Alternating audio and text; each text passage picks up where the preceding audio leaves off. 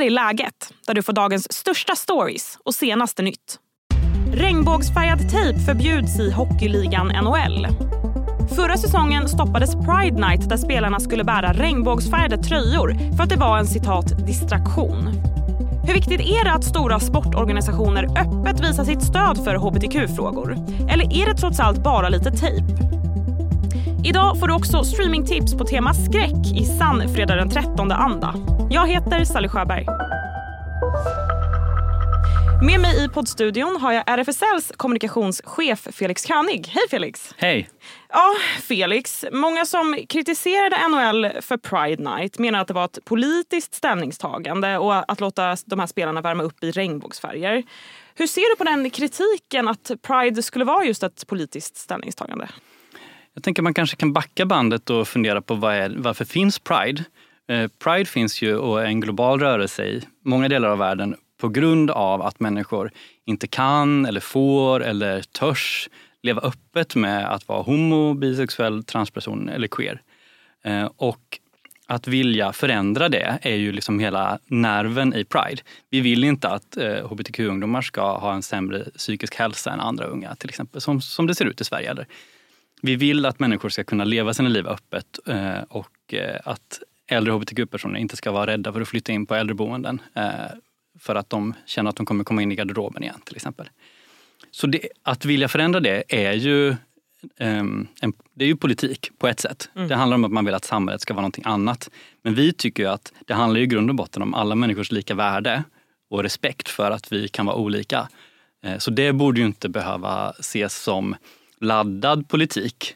Men det finns ju en politisk dimension, uh, att, att man faktiskt vill förändra någonting. Så. I USA så har hbtq-frågor ibland liksom kopplats ihop med vad en del högerpolitiker kallar liksom för en woke-agenda. Hur tänker du kring det, att liksom pride kopplas ihop med att vara woke och då på, i en mer negativ term? så att säga? Ja, men det är ju väldigt allvarligt och att man måste också komma ihåg att allt det här handlar också om människor.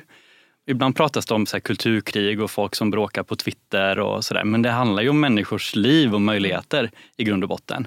Ehm, jag tänker att woke kan, man skulle också kunna beskriva woke som att försöka sätta sig in i den andra personens situation. Bemöta den andra personen som man själv vill bli bemött. Ehm, att svarta eller hbtq-personer ska kunna känna att man är en del av normen, att man inte ska känna sig annorlunda hela tiden utan kunna bemötas som den man är. Ehm, om det är woke, det tänker jag att, det, att vi är många som liksom kan skriva under på att det, den typen av samhälle vill vi ha.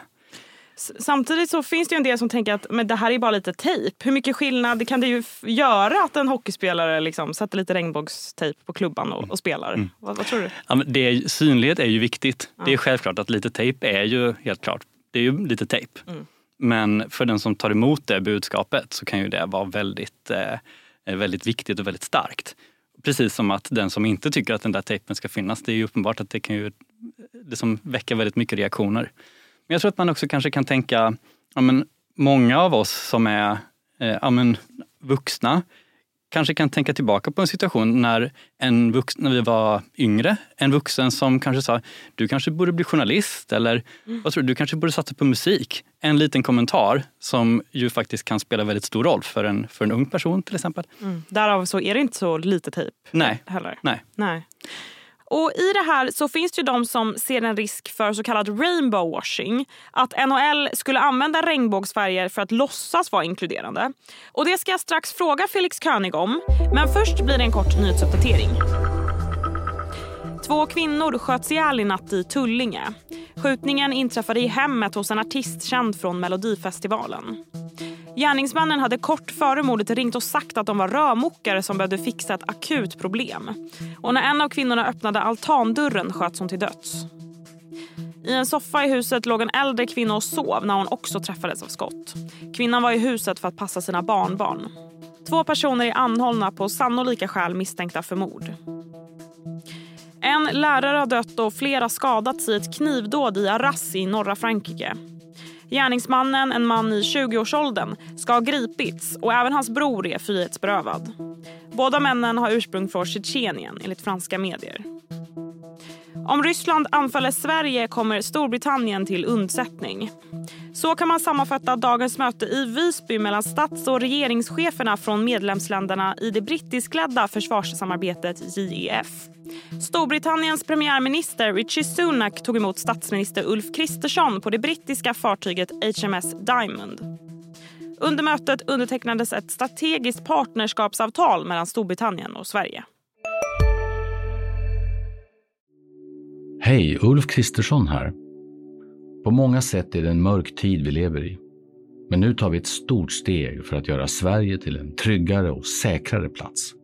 Sverige är nu medlem i Nato. En för alla, alla för en. Har du också valt att bli egen? Då är det viktigt att skaffa en bra företagsförsäkring. Hos oss är alla småföretag stora och inga frågor för små. Swedeas företagsförsäkring är anpassad för mindre företag och täcker även sånt som din hemförsäkring inte täcker. Gå in på swedea.se företag och jämför själv. Nu tillbaka till Felix. Hur ser du på risken för rainbow washing? Kan det bli så? Eller, mm. eller ja, tänker du? och i grund och botten så handlar det om att eh, om man bara sätter dit den där lilla tejpbiten och inte tänker något steg längre så är det klart att det det är väl också det vi ser, att det, mm. besluten har inte varit så grundade i att fundera på ja, men vad står Pride för eller hur kan vi jobba med mänskliga rättigheter. Um, och uh, det är ju självklart något positivt att företag och organisationer vill sluta upp och visa stöd. Men man behöver också jobba internt med uh, att se vart, vart sker diskriminering i vår organisation och hur, hur är vårt interna klimat och hur jobbar vi med de här frågorna hos oss. Eh, man behöver ju både jobba liksom med extern synlighet och intern förändring, eh, tänker jag. Och så vad, vad skulle du säga då? Mm. Tejpen förbjuds. Vad, vad, vad är summan av kardemumman här då?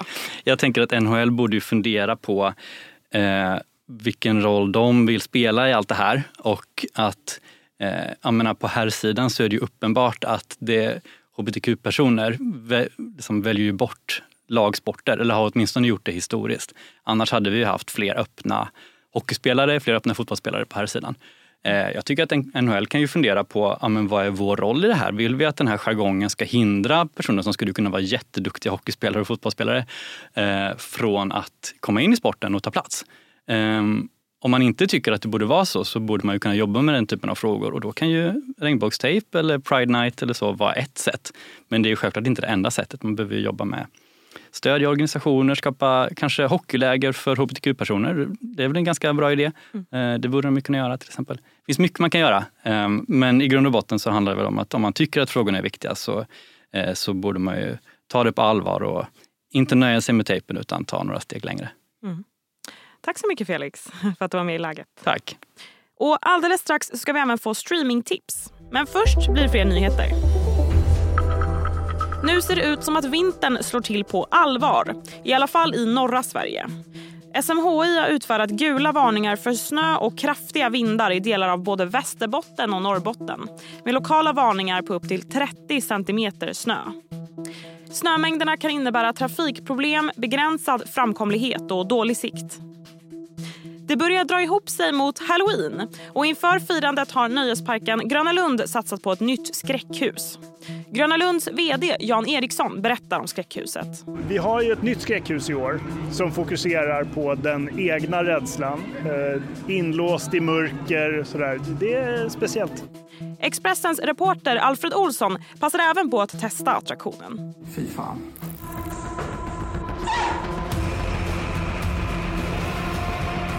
Det är fruktansvärt.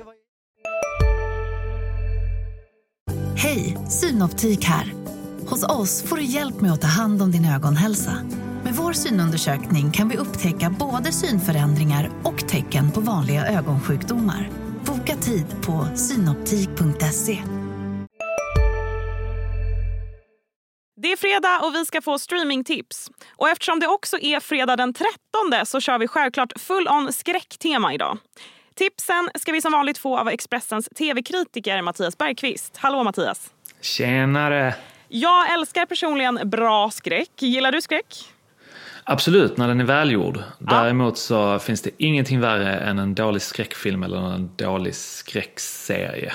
Jag håller helt med. Det är som att fallet är högre liksom, för skräck. Absolut, Ja. och det är så besvärande när man sitter och tittar på någonting och man kan liksom räkna ut vad som kommer att hända runt nästa hörn och nästa hörn och nästa hörn och nästa hörn istället för att bli överraskad. Jag håller helt med. Men hur som helst, vi ger oss in på ditt första tips. Filmen Konferensen som har premiär idag på Netflix. En svensk slasher som är baserad på Mats Strandbergs roman med samma namn. Vi lyssnar lite kort. Hörrni, har ni sett det här? Dagens agenda. Miljö. Fan, ska du lira gudar ikväll eller Torbjörn? Ja, fast det är utsålt sen länge du. Guns N' Roses. Vadå miljömål? Vi har väl inga Man miljömål kan ju inte ha en konferensanläggning utan wifi. Nej, nej det kan Nej. nej. Nej, det kan man Nej, inte. men det har vi inte. Utan vi har wifi. Det är bara det att vi kan svära lite grann. Men Ingela, vi löser det. Roger? Ja, filmen handlar om något som kan, faktiskt kan vara rätt stelt, en jobbkonferens. Hur bra är den här filmen skulle du säga Mattias? Åh, den är fin. Den är väldigt fin. Den är just det där som också finns i eh, Mats Strandbergs roman, liksom det här otroligt tråkiga eh, med liksom en konferens eh, och i det här fallet en liksom, kommunal konferens där typ alla tycker olika och det blir tjafs och det är ännu tråkigare och det ska byggas gemenskap och det är liksom hitan och ditan och du vet sådana här liksom de bara Åh, vi ska göra det här tillsammans och så, sen så är det ingen som vill göra det tillsammans för att alla hatar varandra. typ den känslan. Och sen så bara smäller man in en liksom eh, massa blod och en eh, liksom eh, scener som är väldigt roliga emellanåt. Och sen så är det liksom den här typiska slasher-grejen som man känner igen men som här också överraskar till viss del.